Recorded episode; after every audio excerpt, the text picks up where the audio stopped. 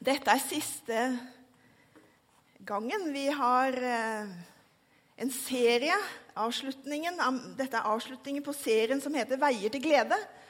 Og vi har hatt eh, en innledning til dette. Vi har snakket om og hørt om at Guds ord er en vei til glede. Og det har vært snakket om at menigheten er en vei til glede. Og i dag har jeg fått i oppdrag å si noe om at den fortrolige samtalen med Gud, eller bønn, er en vei til glede. Og da må jeg være ærlig og si at er ikke noen ganger eh, bønnen heller en kilde til mismot og nederlag enn til glede? Det er veldig lett å snakke om bønn som en for dårlig samvittighet. Og jeg er blant dem som har uh, hatt mange bur akkurat som jeg er ferdig med det, men som har mange burder. Jeg burde jo ha bedt mer.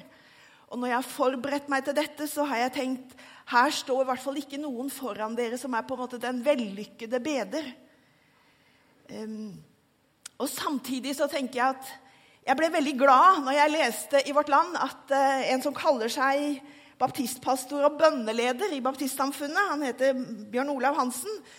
Han sier at eh, det er mange som opplever bønn som et slitasjepunkt. Og Kanskje du er blant de som er her nå og kjenner på det. En stadig dårlig samvittighet som ligger over dem.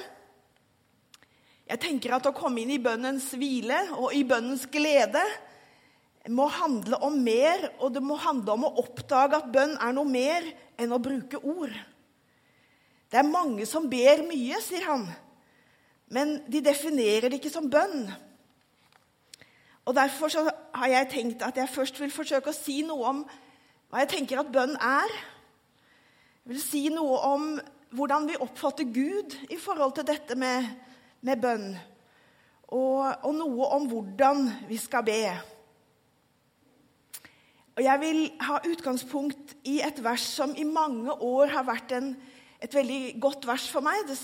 Jeg veksler litt mellom den nye bibeloversettelsen og litt andre bibeloversettelser, så derfor har meg unnskyld på det. Men i Salme 25, vers 14, der det, sto det i den gamle bibeloversettelsen Herren har fortrolig samfunn med dem som frykter ham. Og frykte kan jo høres skummelt ut, men frykte opplever jeg i denne sammenhengen betyr å elske og ha dyp respekt for. Herren har fortrolig fellesskap med dem som frykter ham. Derfor, først av alt, bønn er ikke menneskets initiativ. Det er ikke vi som begynner med dette, det er Gud som har tatt initiativet. Det er han som ønsker fortrolig fellesskap. Og vi kan være trygge på at han ønsker det. Fordi vi har nettopp feiret påske. Og vi vet hva det har kostet å åpne denne veien inn til dette fellesskapet. Så vi kan hvile i Gud vil ha fellesskap med deg. Og han har betalt prisen for hva det, den åpne døra koster. Norge har vi kan være litt stolte av det, har en, en, bok om bønn som er en klassiker, som er oversatt til mengder av språk. og Det er Ole Hallesby sin bok som heter 'Fra bønnens verden'. Og Ole Hallesby sier at bønn er å lukke Jesus inn i sin nød. Du kan grunne litt på det. Bønn er å lukke Jesus inn i sin nød. Og Det snakker han om ut ifra et annet bibelvers i åpenbaringsboken, kapittel 3, vers 19. Det kjente verset hvor det står at Jesus står for døren og banker. Hvis noen åpner døren og lukker opp, så vil han komme inn til ham og vi skal holde måltid, jeg med han og han med meg. Det er et utrolig vakkert bilde på dyp fellesskap. Men jeg har ofte tenkt at det, det, verset handler om det når et menneske blir en kristen og sier ja til Jesus for første gang. Men jeg opplever nå at dette er et vers som handler om meg hver eneste dag. For jeg har mange rom i mitt livs hus. Det er fullt av rom. Og det er noen rom der som det er veldig enkelt å lukke både mennesker og Jesus inn i. De er de liksom vellykkede, sterke rommene. Men jeg må dessverre si at jeg også har rom hvor det bor nederlag. hvor det bor rom der jeg skammer meg over ting. Og han står og banker. Han river aldri opp døra. Han banker og spør kan jeg komme inn i alle rommene dine. Derfor er det også godt å vite at han som står der, han vet alt om meg. Det nytter ikke å skjule ting med fine fasader for han. Og Derfor så har det blitt mer og mer tydelig for meg at bønn det er egentlig først og fremst en livsform. Det handler om dette at jeg sier, 'Herre, her er jeg med hele mitt liv på godt og vondt, med alle mitt livs rom, som er fulle av gode og vonde og vanskelige ting, og ting jeg er takknemlig for. Kom inn, vær der. Jeg ønsker å leve hver dag, de gode dagene og de vanskelige dagene, for ditt ansikt. Slik at bønn er først og fremst en livsform. Det er ikke å formulere seg fint, eller, eh, men det er å være hos Han med alle ting. Så bønn er en levemåte. Bønn og liv henger sammen. Og Derfor hørte jeg en predikant som sa en gang at eh, hvis du vil vite hvordan en bønn ser ut, så se på meg. Jeg er en bønn, og det kunne jeg godt si. Se på meg. For jeg er så hjelpeløs, jeg har så mye behov for Jesus, at jeg i mitt liv slik jeg er, jeg er en bønn. Og det er ikke bare hver gang jeg er bevisst på at jeg ber, for det kan jo være veldig mange ganger jeg ikke er det. Men det er en livsform. Derfor kan vi snakke om bønn som den kristnes åndedrett. Det er å gå med Gud og leve med Gud i hverdagen. For ifølge denne Hallesby sin bok, som jeg kan anbefale fra Bønnens verden, der sier han veldig tydelig at bønn og hjelpeløshet ofte henger sammen. Det fins en veldig vakker fortelling om det i første Samuels bok. I kapittel 1, Du kan gå hjem senere og lese om det, men det handler om Hanna som ble mor til Samuel, en av de store profetene i Israel. Og hun hadde en dyp sorg i sitt liv jeg har lyst til å si Det også, det finnes millioner, faktisk. Tusener på tusener av kvinner som har denne sorgen fortsatt. Som ikke, som ikke, hun kunne ikke få barn. Og hun ble mobbet fordi hun ikke kunne få barn, og fordi hun ikke kunne få gutter spesielt. Og Derfor er hun i Kilo og ber. Og Hun får reprimande av presten Eli, som syns at hun oppfører seg på en merkelig måte. For hun ber Eh, og Han kan se at hun beveger leppene, men det kommer ikke et ord ut, og han tror at hun er drukken. Men så sier hun, 'Jeg bærer på en tung sorg', 'og jeg har tømt mitt hjerte for Herrens ansikt'. Er ikke det også vakkert? Bønn er å tømme sitt hjerte for Herrens ansikt. Og så får Hanna oppfylt bønnen sin. Og denne gutten Samuel blir en velsignelse ikke bare for henne og hennes familie, men for hele Israel. Men Det står om dette flere steder. I Salme 62 så står det 'Øs ut for Herren det som fyller hjertet'. Og det kan være hva som helst. Alt fra aggresjon og sinne til 'del det med Han'. Det er bønn. Og så et vers som jeg er veldig glad i, som sto i den gamle oversettelsen, Salme 10. Herre, du hører hva de hjelpeløse ønsker. Du vender øret til og gir dem mot. Er ikke det vakkert? Han hører hva de hjelpeløse ønsker. Han legger øret til og gir dem mot. Bønn og tro i betydningen tillit til Gud henger sammen. Og så kan jeg tenke ja, det er det det skorter på. Jeg har for lite tro. Og da sier den samme Hallesby hva er tro? Jo, tro er ikke først og fremst noe som sitter i hodet, hvor mye jeg forstår av bønnens mysterium. Eller i følelsene, at jeg kan bare be hver gang jeg føler for det. Nei, sier han. Tro viser seg i, sitter i beina. Den viser seg i hvor du går. Har du bruk for Jesus? Springer du til Jesus? Så er det uttrykk for tro. Bønn kan brukes som mentalhygiene. Det er ikke mentalhygiene, for bønn er et menneskes kommunikasjon og fellesskap med den levende Gud, men den kan ha mentalhygienisk effekt. Det er helt sikkert. Og i våre dager hvor vi snakker så mye om mindfulness, som jo er en metodi, ikke metodistisk, men en buddhistisk en del av en buddhistisk eh, meditasjonstradisjon. Jeg har snakket med hun som er eh, pastor på Ansgarskolen om dette, og hun sier at jeg har lært noe av det med mindfulness. Det betyr og Mindfulness er oppmerksomt nærvær, å være til stede her og nå. Jeg sier noe om dette fordi det Anne Mai Abrahamsen sa, er en del av tenker jeg, man kan bruke som et, et kristen bønnepraksis. Eh, hun sier jeg bruker dette for å bearbeide spesielt det som er mm, skamfullt i livet. Det som jeg ikke får til. Eh, og hun sier, lagd et ord som ikke har noen mening, tror jeg, men som heter soal. Det består, for de bokstavene. Jeg vil lære dere hva hun har sagt til meg om dette. Soal står for stopp. S står for stopp. Ta en pause. Hvis du opplever at noe skjærer seg Nå sa jeg noe, nå sa jeg noe galt. Nå gjorde jeg noe feil. Stopp. Pust. Og i vår kristne sammenheng pust Jesus inn og ut. Har du opplevd at hvis du kjenner at du er veldig stressa, sett deg ned, følg pusten din og si Jesus på innpust. Hvorfor fyller du deg med Han. Stopp. Vær til stede. Soal. O betyr observer. Hva var det jeg gjorde nå? Jeg blei så sinna. Jeg gjorde det og det. Det var det jeg gjorde. Observer. Jeg skammer meg over det. Og si istedenfor å fordømme deg og bruke resten av dagen på å fordømme deg for det Observer det. Og så A, so A, aksepter det. Det var jeg som gjorde det, det var jeg som ble sint, det var jeg som sa det. Jeg rømmer ikke fra det, men Herre, her er jeg.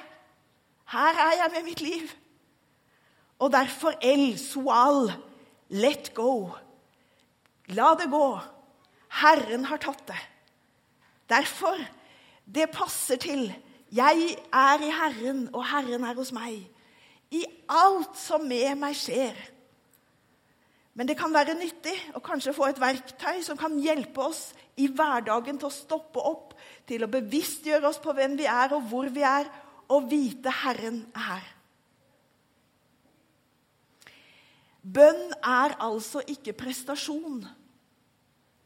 Det finnes bønn i de fleste religioner i verden. Og veldig ofte så er det et eller annet som jeg må blidgjøre Gud med.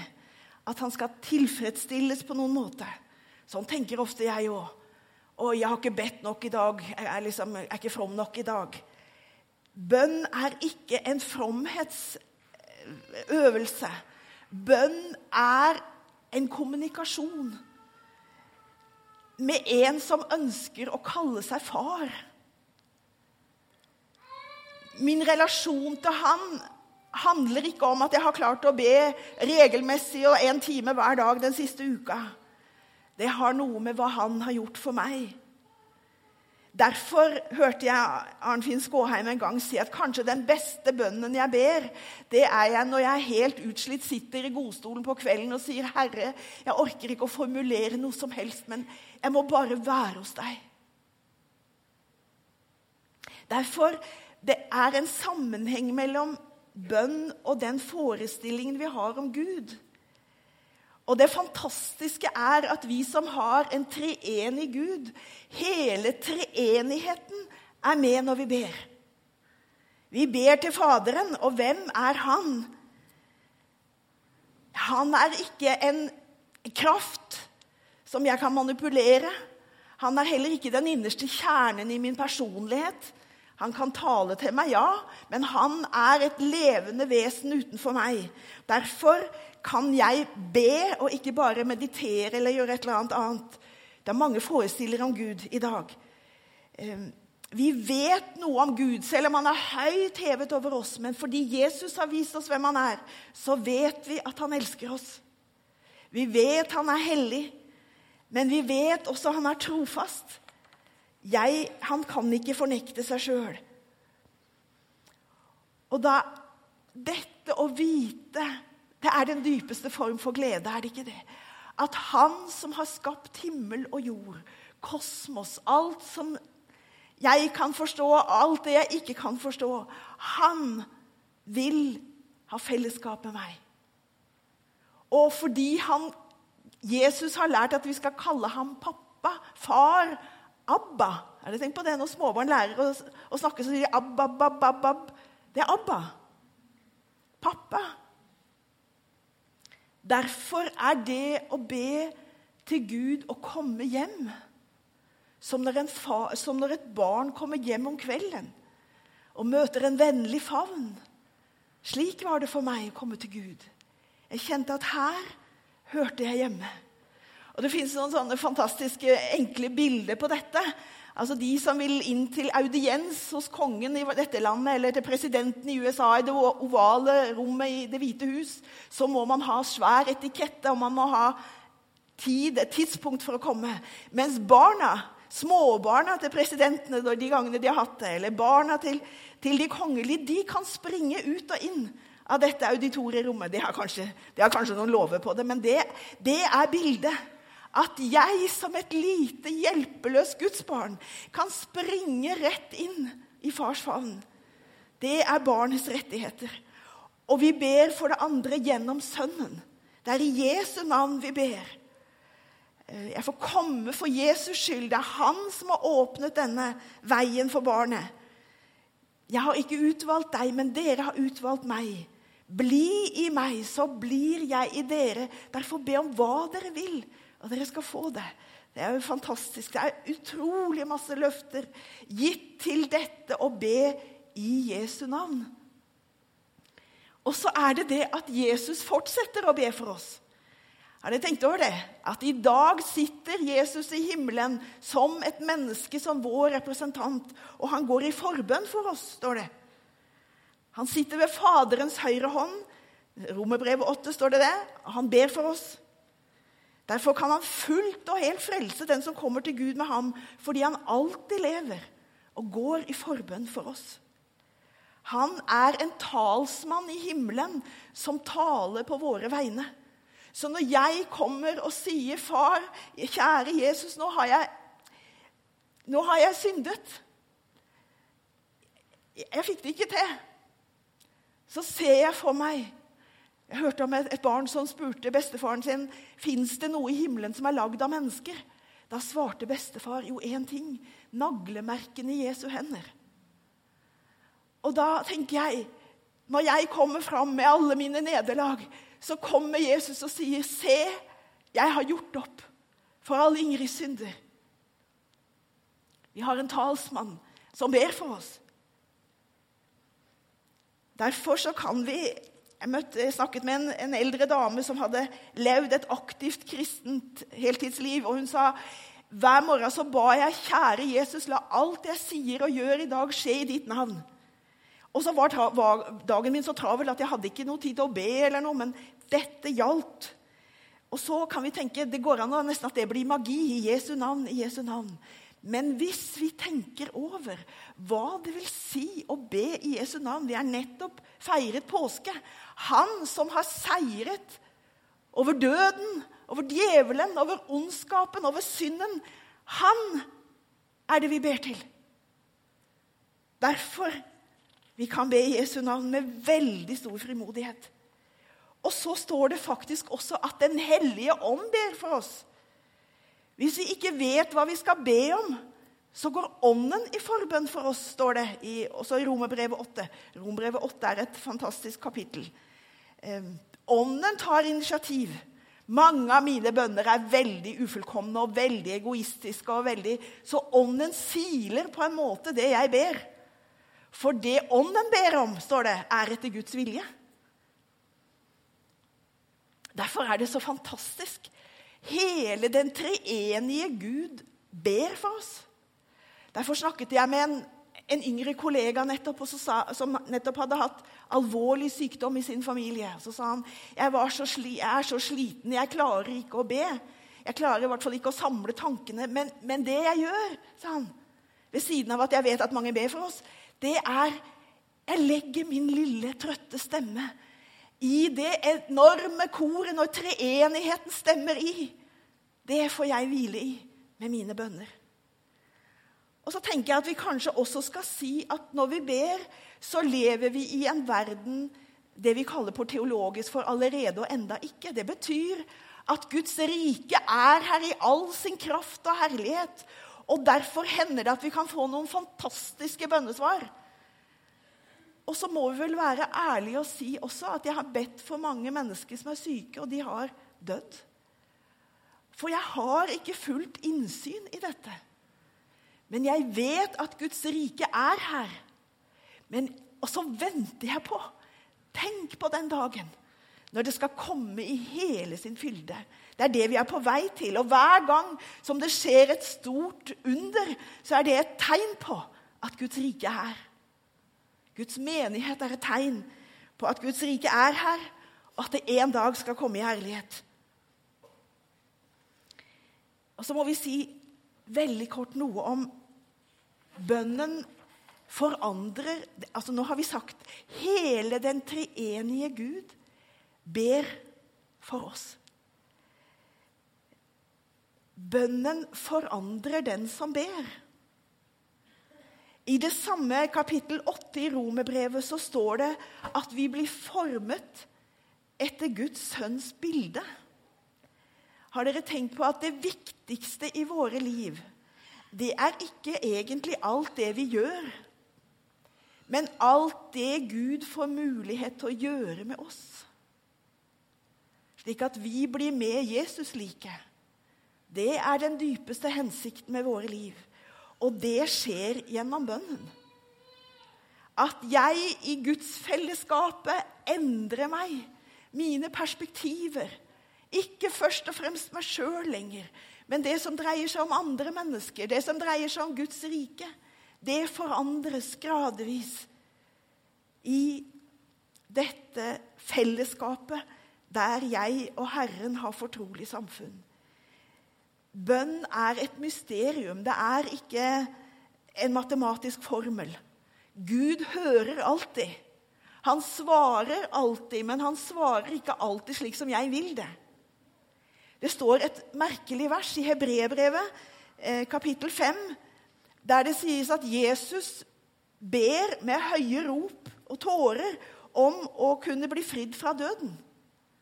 Han ble ikke hørt på det. Han måtte gjennom døden. Men det står at han lærte lydighet av det.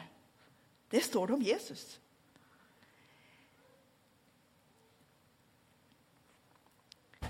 Hvordan Og så må vi spørre, da Er det makt i de foldede hendene? Det er så svakt, det er så hjelpeløst. Og jeg Ja, det er makt i de foldede hendene. Fordi de foldede hendene rører ved den hånden som berører verden.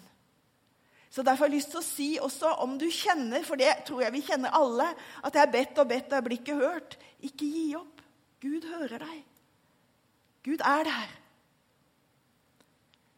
Jeg må også si noen ord om hvordan skal vi be. Og så tenker dere kanskje nå skal vi få en ferdig oppskrift på det.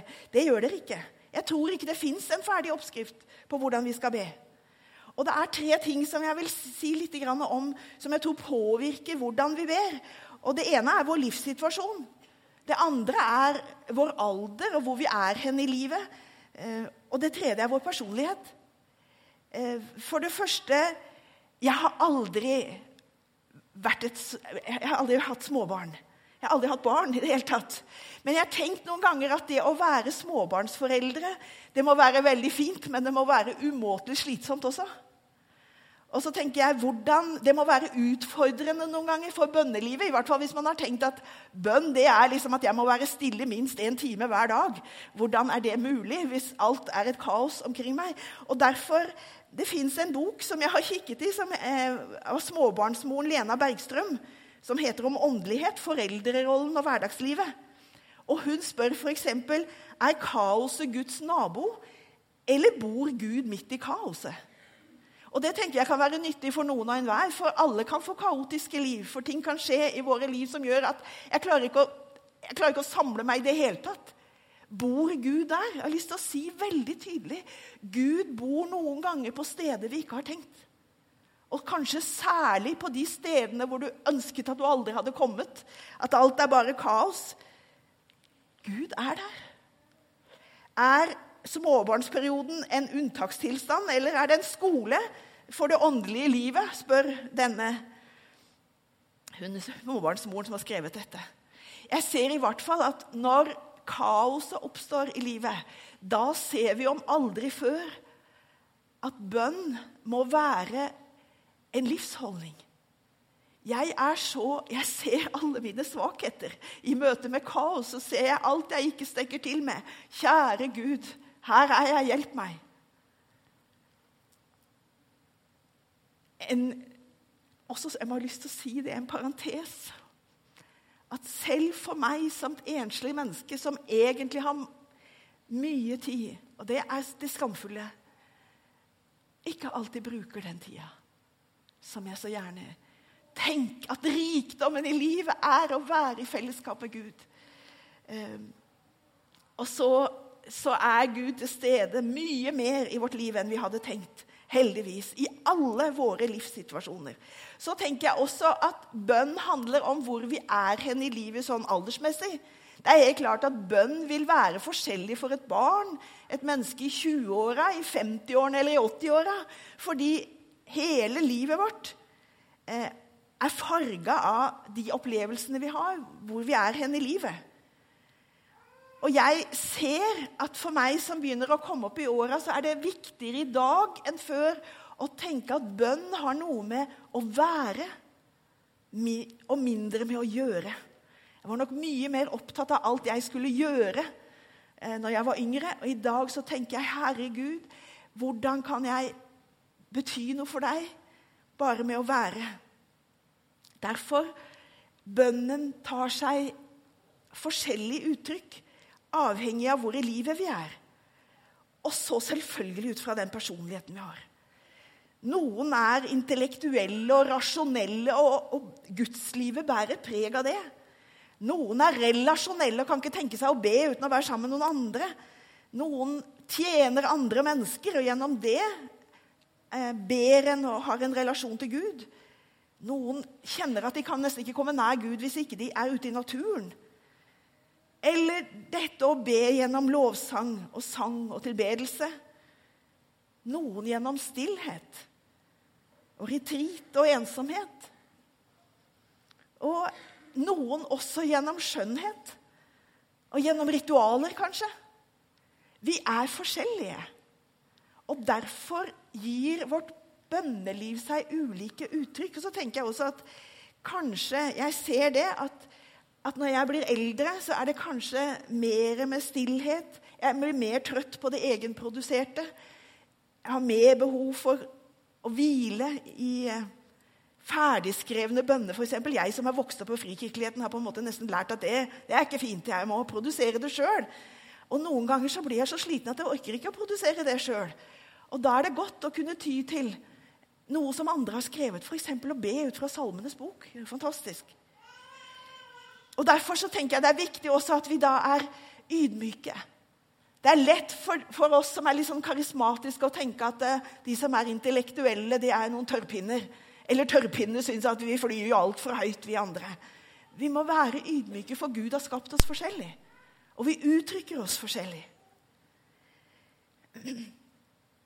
Men vi kan jo si det at gjennom tidene har Guds menighet lagt seg til noe, noen gode vaner. At det er fint, hvis det er mulig, å finne noen bestemte tider å be, f.eks.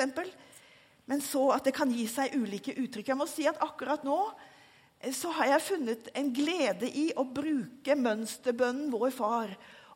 Stille for meg sjøl og stoppe ved hver av bønnene og legge til og legge inn det som ligger meg på hjertet i de bønnene. Vi må i alle fall be ut ifra der hvor vi er. Og noen er kanskje akkurat nå i en ørken. Jeg har lyst til å si Det er mange Guds menn og kvinner som har vært i ørkenen. Og det er mange som har opplevd at Gud kan være der. Kanskje noen opplever at de venter Det er vanskelig i våre dager, det å vente. Det står masse om å vente i Bibelen. Kanskje Gud handler med deg gjennom nettopp det å vente. Vi kunne sagt veldig masse om bønn, og nå er jeg snart ferdig.